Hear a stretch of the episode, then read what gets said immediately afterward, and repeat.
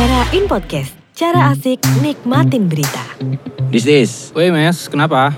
udah denger belum? Apa nih? Berita yang baru panas-panasnya nih diomongin orang Soal apa mes? soal pidato calon presiden nomor urut 2 Prabowo Prabowo. Oke, kenapa dia? Ya dia memprediksi kepunahan Indonesia Wadaw. kalau dia nggak menang. Oh iya iya iya iya. Udah denger belum? Udah, yang di konferensi partai itu kan? Ya partai ya ya. Gerindra itu Pokoknya kan? intinya yang dia bilang kalau udah terlalu lama nih elit berkuasa puluhan tahun dan mereka memberi arah yang keliru. Jadi Indonesia ini lama kelamaan ini akan bisa punah. Gimana tuh? Oh jadi terus cara nyelamatin dari kepunahannya itu maksud Prabowo adalah Ya dia merasa bahwa Indonesia ini semakin miskin. Mhm. Jadi Indonesia menjadi semakin gak berdaya dan prediksinya kalau udah kayak gini dia bakal punah. Oke.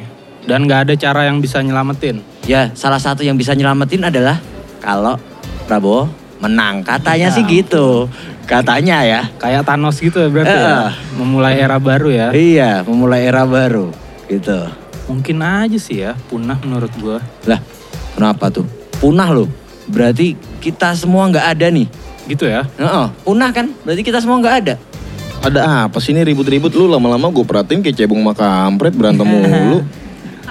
Ada apa nih? Sampah kenapa lu, Jay. kenapa? Nih Bray, Maesa, Kenapa? Prabowo tadi dia cerita soal Iya. pidato Prabowo itu loh yang bilang bangsa ini bakal punah kalau dia nggak menang pemilu cuy. Oh itu. Aneh Ya banget sih. apa ya? Kalau gue lihat sama Prabowo sih emang dia kan bukan sekali ini aja ngomong-ngomong kayak gitu bos. Sebelumnya juga dia ngomong 2030 Indonesia bakal bubar. Gitu. Gue inget tuh. Ya kan sama aja kayak prediksi bangsa Maya tuh 2012 kiamat. Ngatunya nggak jadi kiamat. Hmm. Ya makanya sih kalau gua baiknya ya harusnya tabayun dulu satu itu maksudnya penjelasan maksudnya punah di sini apa ataukah punah di sini benar-benar punah negara Indonesia nih bakalan punah nggak Mhm. diakuin lagi sama PBB atau punah di sini ya cuman sekedar punah ekonomi Mhm. ataupun yang lain-lain kan kita nggak tahu gitu loh karena kalau bicara soal tata bahasa ya bisa aja kata-kata yang disebut Prabowo itu soal punah itu adalah hiperbola ya untuk menggambarkan sesuatu yang sebenarnya nggak begitu gitu loh sama kayak Oke. lo deh sama cewek lo lo Mhm. bilang misalkan eh apa wajahmu seperti rembulan misalnya gitu lah. Contohnya Ya, kan dong. iya iya kayak gitu. Maksud gua maksud gua itu kan kayak kayak perumpamaan aja. Nggak nggak bener-bener kayak rembulan wajahnya kan. Ya Hmm. kalau kecuali yang lu bilang tadi mukanya. Beradakan gitu kan. Ya bisa aja gitu karena eh 2001 tuh Gus Dur pernah bilang gitu di Apa tuh? eh, dia bilang DPR itu seperti taman kanak-kanak. Oh ini maksudnya Prabowo memang dalam politik tuh kayak gini gitu ya? Iya, Penggunaan iya. frasa Mungkin dan- bisa bisa aja begitu menggunakan bahasa karena setahu gue Gus Dur itu salah satu uh, presiden sekaligus juga ulama ya tokoh NU yang ahli dalam bidang balagoh atau bahasa tata bahasa Hmm. Oke, atau oke. bahasa umumnya tuh stylistik lah. Dia jago jago untuk uh, bikin anekdot atau Hmm. bikin satu perumpamaan bagaimana bagaimana yang artinya sebenarnya nggak begitu. Jadi harus Oke. ditelisik lebih dalam. Dia balik lagi ya ke soal 2001 itu Gus Dur pernah bilang kalau DPR itu seperti taman kanak-kanak. Mhm. Nah, ungkapan dia itu eh bikin ya anggota DPR dan orang-orang beragam reaksi gitu loh. Oke. Termasuk ada yang bilang eh Gus Dur bahkan disebut gila atau asal bicara. Mhm. Ya reaksinya ya banyak yang marah lah kayak gitu loh. Nah, kemudian setelah Gus Dur lengser dan roda per- pemerintahan itu terus berjalan dan ternyata baru terlihat tuh bahwasanya DPR kita memang ya seperti taman kanak-kanak dalam arti ya bocah ya tingkahnya gitu ya. loh tingkahnya kayak bocah banget saling pukul di dalam sidang paripurna misal gitu kan terus kayak ya kabur gitu aja walk out atau gimana nggak ya pokoknya berantakan lah seperti TK gimana sih anak TK yang nggak bisa diatur gitu loh Hmm. Iya iya. kalau iya. gue sih lebih lebih suka ya kita tabayun kalau memang ada klarifikasinya ya apa dulu punah di mana gitu loh. Kalau memang Iya dikatakan punah negara ini jadi punah, gue pun nggak percaya gitu loh. Karena pun ketika ya Indonesia lagi krisis apa segala macam ya kita masih tetap berjalan gitu loh. Jangan bandingin kita sama Ethiopia bos gitu loh. Kalau ya definisi negara untuk punah kan nggak nggak mudah gitu loh. Apalagi sampai Iyalah. dihapus PBB. Iya mungkin aja.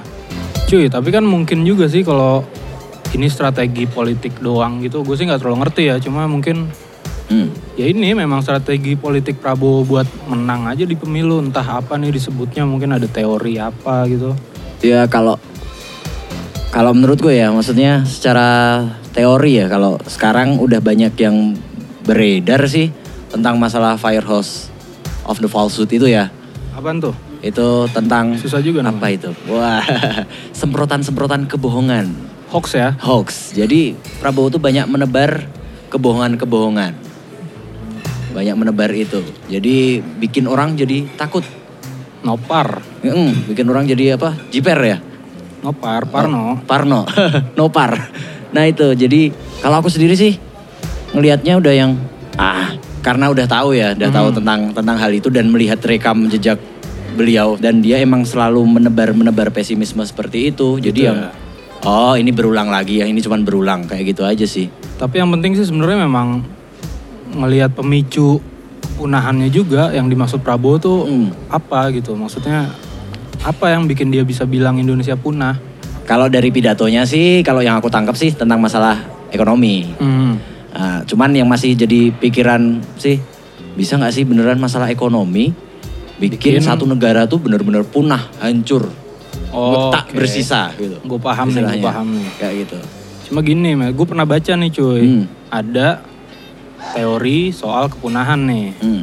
Kalau kita mau ngerujuk sama teori dan laju sejarah ya, ada beberapa kemungkinan nih yang emang bisa jadi penyebab sebuah negara atau peradaban tuh punah. Di antaranya nih ya, perang, bencana alam, sampai pertumbuhan penduduk yang nggak imbang nih cuy.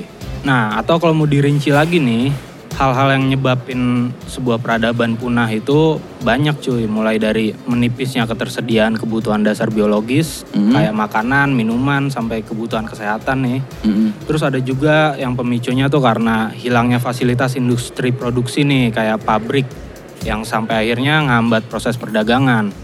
Habis itu ada juga penyebab kepunahan itu karena terbatasnya fasilitas untuk mengembangkan diri seperti melahirkan dan pendidikan. Hmm. Nah, ini yang paling penting nih. Salah satu penyebab kepunahan dari sebuah bangsa dan peradaban itu adalah kehilangan kepercayaan diri dan pesimisme.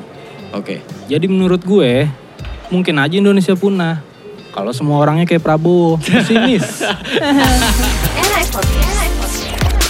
Update terus berita asik only on Era Podcast.